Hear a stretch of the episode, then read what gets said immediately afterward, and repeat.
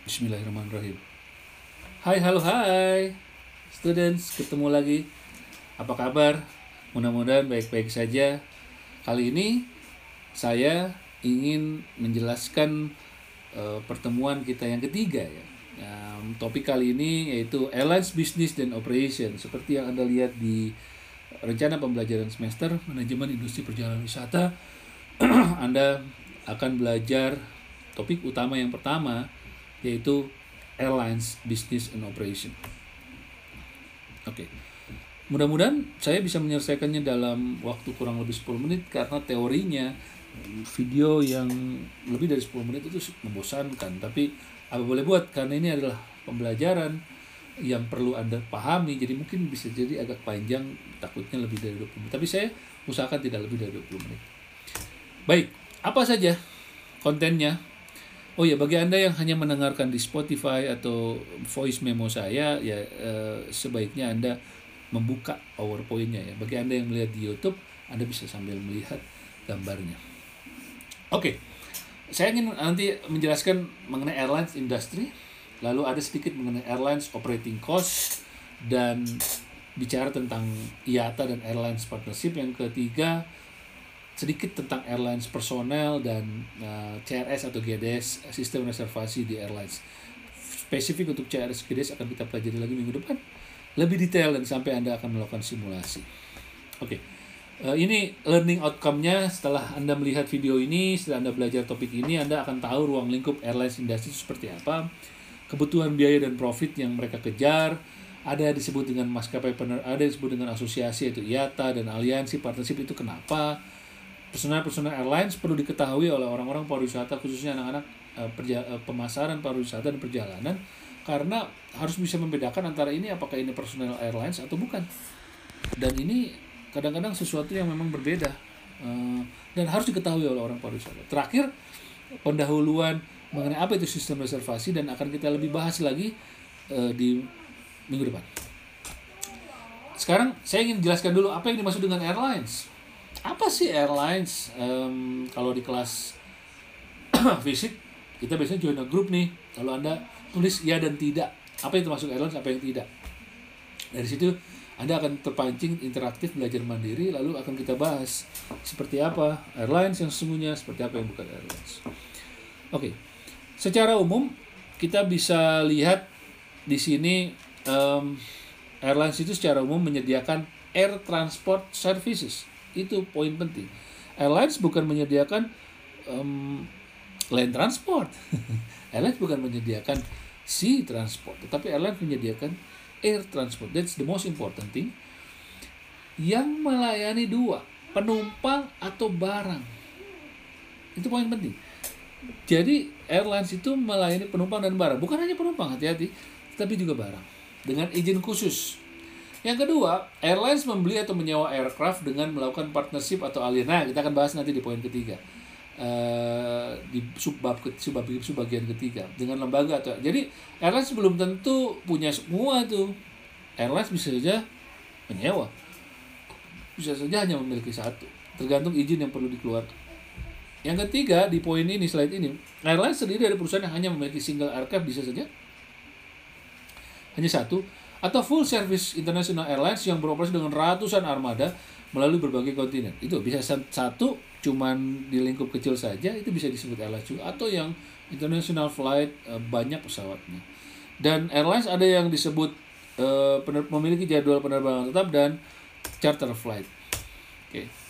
Saya ingin sedikit membahas mengenai bidang bisnis airlines. Bidang bisnis airlines itu termasuk transportasi manusia dan penumpang atau sorry manusia atau penumpang melalui udara dan kargo itu bisnisnya. Operasionalnya banyak penerbangan, eh, penjualan tiket penerbangan, penjualan ruang, kompartemen pesawat udara, kargo, penanganan penumpang dan bagasi. Jadi airlines operation itu so wide. Jadi kalau kita bicara bisnis industri perjalanan, industri pariwisata secara keseluruhan airlines adalah industri yang memiliki banyak sekali kegiatan operasional dari mulai reservasi itu sangat jelimet bukan hanya fragmented tetapi bisa inilah salah satu contoh industri atau perusahaan yang perlu memiliki banyak orang koordinasi gotong royong dengan orang lain penting. Dan value-nya itu bukan hanya value yang diberikan oleh airlines itu sendiri tetapi oleh partner-partnernya tadi. Nanti kita bicara bisnis model ya um, ada video saya nanti tentang bisnis model mudah-mudahan saya sampaikan. Dari historinya airlines itu udah lama sekali dari tahun 1909 perkenalan saja oleh uh, Deutsche Luft Chef, oke itu bahasa Jerman. Perusahaan Jerman yang diklaim sebagai airlines pertama menggunakan uh, model pesawat yang seperti ini Zeppelin uh, dari rute dari Jerman ke Amerika ya United States. Airlines di Asia pertama-tama oleh Air India tahun 1932 dulunya Tata Airlines yang Anda tahu Tata adalah perusahaan uh, uh, otomotif ya dulu di India. Lalu disusul oleh KT Pacific di Hong Kong 1946, Singapore Airlines dan Malaysian Air bersamaan tahun 1947 Garuda Indonesia tahun 1949, eh, Japan Airlines 1951, Korea Airlines 1959 dan seterusnya dan seterusnya. Jadi Garuda itu udah lalu dulu ya 1945. Ingat 49 ingat dulu pesawat yang diserahkan oleh masyarakat Aceh ya. Yang pertama kalau saya tidak salah, mohon maaf kalau saya salah, jadi patungan untuk memberikan RI 1 atau untuk Soekarno dulu dan untuk Garuda ya. Nah, uh, di slide ini juga saya ingin membahas mengenai uh, operating cost-nya airlines, tapi saya ingin membahas mengenai fenomena airlines operating cost. Kita bagi atas dua, oke, okay, full service carrier dan low cost carrier. Di Indonesia ada lagi katanya fare carrier, katanya ya. Nanti kita bahas apa bedanya full service carrier dan low, low cost carrier. Sebelumnya saya ingin menjelaskan apa yang dimaksud dengan konsep low fare carrier atau low cost carrier deh.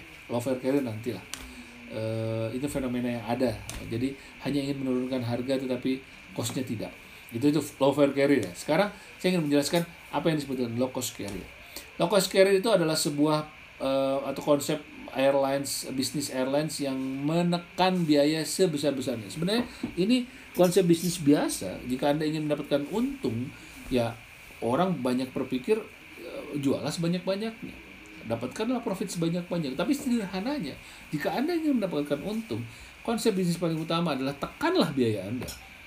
Karena biasanya harga susah untuk dinaikkan, biasanya market susah untuk ditingkatkan, ditinggikan demandnya. Tapi apa yang bisa Anda lakukan? Tekan biaya Anda sehingga biaya Anda kecil, profitnya bisa lebih besar. Itu yang dicoba dilakukan oleh low cost carrier. Tetapi kecenderungan di, di Indonesia kata dulu ya beberapa tahun lalu ini tidak ditetapkan dengan baik. Jadi biayanya tetap ada, hanya harganya yang dia coba tekan sehingga ada beberapa part yang agak di, tidak dipedulikan. Konsep ini dijadikan strategi dasar maskapai penerbangan dalam meraih pasar dengan melaksanakan upaya penyederhanaan dalam kegiatan bisnis. Yang disebut tadi yang saya sampaikan simplifying the business dan menerapkan prinsip efisiensi dalam kegiatan operasionalnya. Um, ini sedikit tapi ini udah banyak berubah ya. Beberapa tahun terakhir saya hanya ingin sampaikan ini beberapa tahun yang lalu masih dipakai. Pelayanan penjualan tiket penerbangan secara elektronik dulu um, full service karir itu banyaknya pakainya kertas okta tiket uh, low cost karir datang dengan berbagai uh, pembeda hanya menjual dengan electronic ticketing saya masih mengalami ini saya kerja di Bayu Buana 2004 kita masih menggunakan okta tiket berlembar-lembar tuh tiket Lalu beberapa tahun kemudian AirAsia muncul, uh, dia datang dengan hanya menjual etiket. Penanganan penumpang secara elektronik semuanya elektronik, tidak ada yang secara manual. Manajemen bagasi dengan menggunakan radio frequency identification sekarang rata-rata semua. Operasional pengiriman kargo dan fasilitas IATA e-freight semua sekarang. Uh, low cost carrier biasanya menggunakan satu tipe pesawat udara. Nah, ini yang ini yang dicoba dengan full service sekarang mencoba ini. Kenapa satu tipe pesawat? karena dia lebih murah dalam perawatan dan dia lebih mudah dalam menggunakan pilot tuh trainingnya satu uh, AirAsia itu pakai uh, Airbus Airbus semua Garuda pakai misalkan Boeing ada Boeing ada Airbus juga agak sedikit uh, mahal low cost carrier juga menggunakan bandara udara sekunder yang lebih murah. Tapi sekarang ada juga terminal-terminal yang sama sih ya bandara udaranya hanya terminal yang dibedakan. AirAsia jika ke mana-mana saya contohkan AirAsia agar lebih mudah dan banyak penerbangan di Indonesia dia menggunakan secondary airport. Jadi uang sewa parkirnya uang sewa menggunakan terminalnya tidak mahal. Sedangkan full service carrier biasa menggunakan terminal yang lebih mahal. Jadi dia bisa ongkosnya lebih mahal jumlah sumber daya manusia efektif uh, di low cost carrier. Full service carrier dia sampai ada detail. Low cost carrier mungkin di airlinesnya sendiri dia tidak banyak dia lebih banyak menggunakan jasa perusahaan lain. Nah, seperti uh, apa pun lah yang dia lakukan kecuali ground crew-nya uh, airlines uh, aircraft crew-nya seperti itu. Lalu tambahan ini yang masih sampai sekarang low cost carrier itu rute penerbangannya sederhana. Oke? okay? Uh, dia tidak banyak. Hanya straight or per way. Bandung Jakarta Jakarta Singapura Singapura Jakarta. Kalau full service carrier biasanya dia agak banyak. Uh, Jakarta Singapura Singapura Hong Kong Hong Kong ke mana ke London dan lain sebagainya. Biasanya low cost carrier tidak menyediakan makanan dan minuman tanpa dipesan betul full full service carrier tapi sekarang juga mulai memodifikasi ini walaupun sesungguhnya full service carrier itu harusnya menyediakan makanan sesuai dengan waktunya jika penerbangan pagi dapat sarapan jika penerbangan siang dapat makan siang dan malam sebagainya dapat minuman dan lain sebagainya. Uh, low cost carrier tidak, kecuali Anda memilih di website pada saat reservasi dan Anda harus bayar, kemudian Anda akan dapatkan di penerbangan nanti. Jika tidak, Anda tidak mendapatkan apa. Bahkan air pun Anda harus membeli. Bercandanya kalau di kelas saya punya joke tapi mungkin tidak terlalu efektif di online. Bahkan dulu bercandanya kalau low cost carrier bernapasnya pakai voucher 100 kali bernapas. That's kidding. Uh, di sini juga di slide ini saya ingin jelaskan domestic flight route. Jadi domestik itu lebih detail, uh, eh lebih hanya dalam negeri. AirAsia di sini contohnya Surabaya Denpasar, uh, Semarang uh, ujung pandang. Uh, oh, ini ini ini salah satunya internasional juga ya karena uh, ini salah satu contoh freedom of the air. Salah satunya Anda harus kembali ya kalau aturan-aturan ya itu Anda harus kembali ke kota, kota uh, atau negara asal sebelum Anda terbang tidak mengikuti freedom of the air karena ini diatur sendiri oleh IATA. Ini international flight route, saya rasa ini dari mana ini? Um, sama ya Asia juga. E, kalau Garuda biasanya home base-nya adalah Jakarta. Kalau uh, um, Australian atau Qantas itu home base-nya dari Australia. Singapore Airlines home base-nya di Singapura. Flight type saya sudah jelaskan tapi saya jelaskan kali ini karena ini fokus untuk ini uh, direct flight tanpa mengganti pesawat jadi satu nomor penerbangan tanpa mengganti pesawat tapi bisa jadi dia berhenti direct flight contohnya uh, Jakarta Kuala Lumpur Hong Kong pakai MH eh, atau MH 123 uh, menggunakan pesawat yang sama sampai ke Hong Kong. Tapi pesawat ini berhenti di Kuala Lumpur transit. Tapi saya belinya direct flight dari Jakarta ke Hong Kong. Saya beli direct flight dia berhenti di Kuala Lumpur ambil penumpang lalu berangkat lagi dengan pesawat yang sama. E, biasanya tidak perlu turun atau harus turun hanya untuk membersihkan. E, tapi kebanyakan tidak yang kedua non-stop flight. E, one flight number non-stop. Kalau ini jelas satu flight number MH 1543 misalkan dari Jakarta dari um, nggak nggak mungkin kalau dari Jakarta. GA GA 5 43 dari Jakarta ke Hong Kong. Tidak berhenti di mana pun, tidak transit di mana pun, satu flight number langsung ke Hong Kong directly 4 sampai 5 jam. Yang ketiga connecting flight. Dari Jakarta ke Kuala Lumpurnya pakai GA 122 misalkan, lalu berhenti di Kuala Lumpur pindah uh, gate atau pindah pesawat naik lagi pakai AirAsia nomor penerbangan berbeda sampai ke Hong Kong. Jadi dia connecting flight. Anda harus ganti pesawat uh, dan lain sebagainya. Transit flight keluar dari bandara. Oh, transit artinya Anda bisa keluar dari bandara atau di dalam bandara. Arrival unknown ini kalau di sistem GDS nanti namanya uh, Arum. Dia melanjutkan perjalanan dengan menggunakan moda transportasi lain. Misalkan uh, Jakarta Kuala Lumpur. Lalu beli lagi pesawat dari Singapura Jakarta. Nah, pertanyaan biasa di sistem dari Kuala Lumpur ke Singapura ini bagaimana? Kita kasih tahu Arum dia melakukan perjalanan dengan tanpa menggunakan pesawat, menggunakan mode transportasi lain. Biasanya sistem perlu itu karena kalau enggak ini dikatakan error, error, error. Kenapa nih ada satu segmen yang tidak dapat? Kita belajar itu nanti di Saber ya, nggak usah pusing dulu. Oke, okay? di di sistem kalau ada waktu. Saya ingin jelaskan uh, di slide ini adalah kegunaan airlines partnership atau alliances. Seperti tadi yang saya jelaskan di awal-awal, ini salah satu bisnis yang memerlukan orang lain.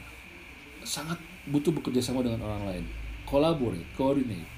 Uh, contoh-contohnya nih uh, ada Star Ala, Alliance, SkyTeam, or OneWorld banyak ya ada 7 atau 8 sekarang apa 11 tapi yang paling terkenal memang ini ya. Uh, Star Alliance, SkyTeam dan OneWorld contohnya SkyTeam ini um, ini ya Aerofold dan lain sebagainya Garuda Indonesia. Dulu Garuda Indonesia sama tuh dengan Singapura. Kalau nggak salah Star dulu ya. Saya saya saya nanti perlu cari tahu mohon maaf kalau salah. Ya tapi karena dia persaingan kuat nih di Asia jadi dia pindah. Kalau saya tidak salah Garuda pindah ke SkyTeam dan dari situ dia keputusan yang tepat. Apa sih gunanya aliansis um, aliansis sederhana saya sampaikan bahwa ini kerjasama antara setiap airlines dengan airlines lain kegunaannya banyak. Pertama nih virtual merger untuk untuk mengatasi restriction dari government. Um, kita tidak punya izin. Kita kerjasama dengan Malaysian Air untuk melewati Kuala Lumpur untuk ngambil penerbangan. Bisa saja ya. Yang kedua coordinate their passenger service program. Uh, kalau satu aliansi misalkan SkyTeam orang or uh, customer Garuda uh, Garuda Frequent Flyer itu bisa menggunakan juga lounge dari Air France jika anda ada di Paris jadi ini ada kerjasama anda adalah GFF Garuda Frequent Flyer anda uh, mau pakai lounge-nya um, uh, Air France di Prancis itu bisa. Ada juga offer spesial interline ticket dan often engage in extensive code sharing. Jadi penerbangan ke mana ke Amerika, Garuda nggak punya penerbangannya, tapi bisa pakai harga Garuda asal nanti dari mana ke mananya pakai pesawat lain dalam satu SkyTeam. Biasanya ada tulisan this is SkyTeam flight. Jadi ini adalah penerbangan SkyTeam pakai code sharing. Biasanya code sharing itu uh, kode penerbangannya 4. Uh, eh, beli harga tiket Garuda pakai penerbangan misalkan pakai KLM atau yang lain sebagainya. Oke, ini juga penting juga efisiensi untuk combine facility. Jadi uh, sudah disewa oleh Garuda, Garuda oh tidak terlalu terpakai nih. Ada MH uh, atau ada ada um, Vietnam Air buka penerbangan ke Jakarta dan dia kerjasama dengan Garuda menggunakan uh, terminalnya Garuda sehingga lebih murah.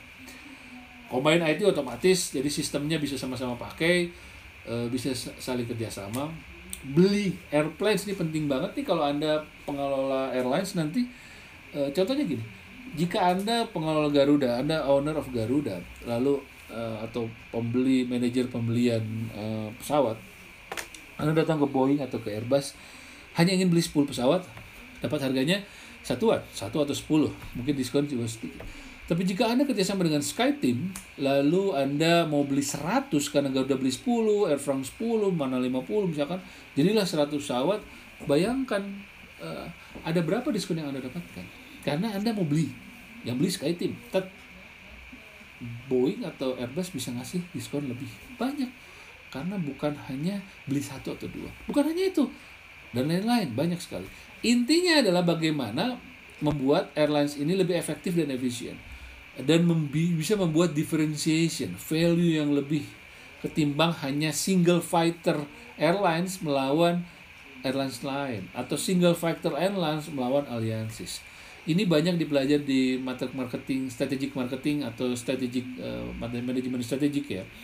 Ini salah satu dari uh, pola bagaimana kita bekerja sama dengan uh, external environment dari perusahaan Anda untuk mendapatkan bargaining sedangkan di internal banyak lagi. Ada lagi yang namanya kalau di bukan bisnis airlines ada lagi seperti namanya franchise itu beda lagi. Tapi ini beda ini yang disebut dengan aliansi. Saya juga mengajar mata kuliah manajemen uh, strategik di beberapa tempat. Dan ini adalah part dari strategi manajemen agar anda bisa bersaing di uh, dunia airlines kompetisi airlines ya salah satunya oke okay. uh, beberapa slide terakhir saya hanya ingin membedakan di slide ini adalah airlines personal jadi jika anda penting intinya gini deh airlines personal itu ada beberapa ya ada flight crew ada ground crew ada reservation agent um, di luar itu biasanya bukan orang airlines ada security bandara bukan orang airlines ada um, nanti ground crew itu ada yang dimiliki airlines ada yang enggak. Ya kita lihat. Flight crew udah pasti biasanya yes orang airlines. Dia digaji airlines dia masuk dalam uh, unit uh, associationnya airlines tersebut. Tapi dari pilot, uh, flight attendants, uh, in-flight security atau navigator dan lain sebagainya, engineering biasanya termasuk dalam flight crew. Uh, ground crew biasanya dimiliki airlines biasanya tidak ada juga yang tidak. Dan biasanya low cost carrier sama sekali enggak. Uh, kayak passenger service itu biasanya dimiliki oleh airport. Check-in counter agent biasanya beda sendiri. Kalau di Indonesia itu jasa uh, angkasa pura atau jas, ada jas juga perusahaan lain ada yang menjaga gate itu itu bukan orang-orang airlines rem agent biasanya bukan, biasanya ada juga yang ya tergantung dari airlinesnya. Tapi di low cost carrier kebanyakan ini bukan. Dia menggunakan pihak jasa lain agar tidak terlalu banyak pegawai. Reservation ticketing juga sama. Biasanya ada yang yes, ada yang tidak. Contoh Garuda Indonesia dia punya sendiri reservation dan ticketing staff, ticketing manager, supervisor, staff dan lain sebagainya. Tapi AirAsia enggak. Dia cuma punya call center dan punya punya main main reservation. Yang lain-lain dia memanfaatkan travel agent yang lain-lain dia memanfaatkan sistem itu ya tapi intinya adalah bagaimana membuat efektif dan efisien di low cost carrier sebelum saya akhiri saya ingin menjelaskan mengenai GDS Global Distribution System. Ada CRS Computer Reservation System ada JDS kita akan pelajari lebih lengkap minggu depan. Lebih detail dari membahas mengenai sistem reservasi penerbangan. Karena CRS itu intinya mostly dipakai oleh salah satu airline saja atau operasional internal mereka. Dan GDS dipakai oleh uh, pihak luar. Jadi internal keluarkan ke eksternal menggunakan GDS ada banyak nah, yang akan kita pelajari nanti Saber. Dulu pernah belajar Galileo uh, ada sistemnya di Indonesia itu banyak Galileo dan Saber. Uh, Saber itu dulunya dari Abacus ya sekarang jadi Saber. Dan sekarang ada lagi di Indonesia itu Amadeus. Uh, ini para pendirinya ya yang saya kasih lihat sekarang. Banyak ya tujuh tapi kita akan belajar lebih detail mengenai siapa sebelum saya akhiri ada namanya sales indicator beda harga biasanya beda promo. Ada city soti sito soto. Bukan makanan tapi city itu sales inside ticketing inside jadi jual di dalam tiketingnya di dalam. Orang Indonesia jual Jakarta Kuala Lumpur belinya di Jakarta. Sales outside ticketed inside jadi jual di luar tapi ambilnya di dalam negeri. Sales inside ticketed outside jual di dalam tapi ngambilnya di luar. Jadi pesan pesannya di dalam untuk berangkat dalam tapi ngambilnya di Kuala Lumpur. Sales outside ticketed outside beli penerbangan uh, Oslo New York New York Oslo tapi belinya Jakarta. That's different harga, different promotion, different uh, service. Okay. Ini tadi contohnya uh, different service bukan artinya tidak senyumnya beda ya, tapi maksudnya beda beda beda beda tambahan nilai pelayanan. Business model, oke. Okay saya akan jelaskan ini di akhir pertemuan. Saya pikir ini banyak sekali nanti Anda takutnya meledak ya kalau Anda bicara mengenai bisnis model, tapi intinya adalah Garuda Indonesia apa sih value propositionnya? Apa sih key patternnya? Saya refernya ini di bisnis model conversion dari Alexander Osterwalder yang paling mendekati dari bagaimana menjelaskan apa yang dimaksud dengan bisnis model. Ada 9 blok di sini tapi intinya menjelaskan apa value proposition, siapa yang diajak kerjasama, siapa segmen customernya, siapa apa biayanya dan apa uh, revenue-nya, apa yang didapatkan dari Nanti anda baca dan kita akan bahas nanti. Uh, ini mostly lebih kebicara dengan strategik nanti di akhir pertemuan deh. Semester ini akan saya jelaskan lebih detail. Saya pikir itu, that is air, airlines operation, ruang lingkupnya. Jadi bicara tentang airlines bukan hanya jualan, tetapi bicara dengan operasional, bicara tentang bisnisnya Uh, next week kita akan belajar uh, reservation, terutama GDS dan bagaimana menggunakan online travel agent. Mudah-mudahan bermanfaat. Uh, terima kasih. Sampai ketemu di video-video selanjutnya. Bye bye.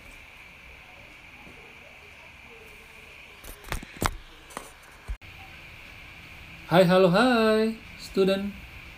Apa kabar? Kita ketemu lagi Kali ini saya ingin menjelaskan mengenai case study yang nanti Anda akan lihat eh, tepat jam 7 pagi hari Senin tanggal 21 September dan ini adalah eh, pengganti merupakan eh, cara belajar pengganti dari eh, live streaming yang kita lakukan setiap minggu. Jadi saya sengaja melakukan ini, saya sengaja uh, meminta Anda mengerjakan case study karena saya ingin Anda mencoba belajar mandiri tanpa bosan untuk melihat saya live streaming. Jadi saya pakai rekaman ini juga untuk membantu. Nanti jam 7 pagi tanggal hari Senin Anda akan melihat case study ini akan dibuka di Google Classroom. Saya ambil dari um, majalah The Jakarta Post yang berjudul Airlines in the Middle of Coronavirus Storm dibuat oleh Cepi Hakim dan Tommy Tamtomo kurang lebih tanggal 7 Agustus ya 2020 hari Jumat mereka membuatnya. Jadi case study ini Anda eh, diharuskan untuk membaca. Sengaja saya membuatnya dalam bahasa Inggris.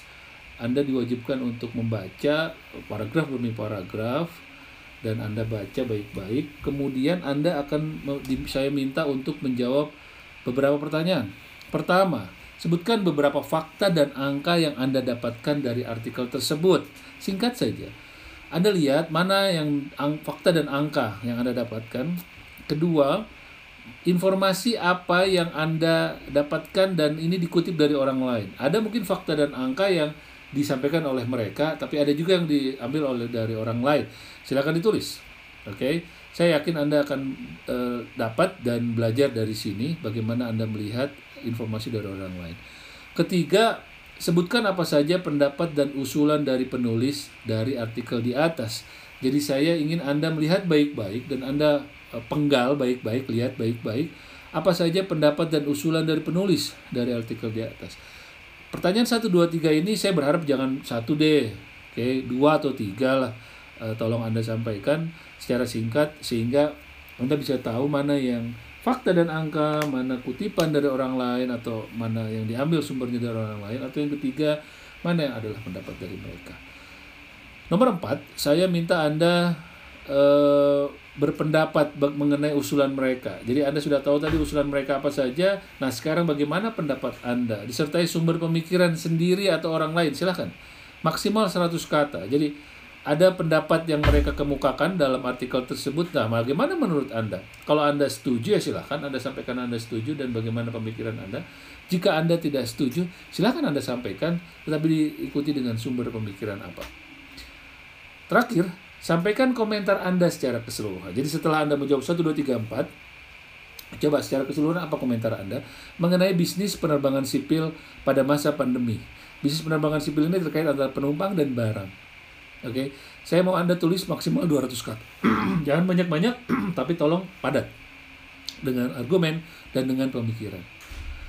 Um, saya pikir itu nanti um, jawaban saya harap Anda posting di um, Google Classroom saya perlihatkan dulu um, di sini Google Classroomnya ya.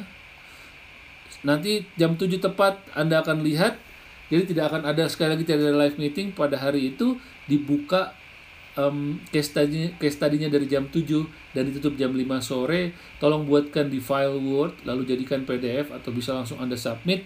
Serahkan, beri komentar Anda uh, di Google Classroom-nya Um, jika ada apa-apa, saya selalu standby pagi itu. Jadi saya minta Anda bisa menghubungi saya lewat WhatsApp atau email. Sekian informasi saya mengenai tugas hari ini. Sampai ketemu di video-video selanjutnya. Bye-bye.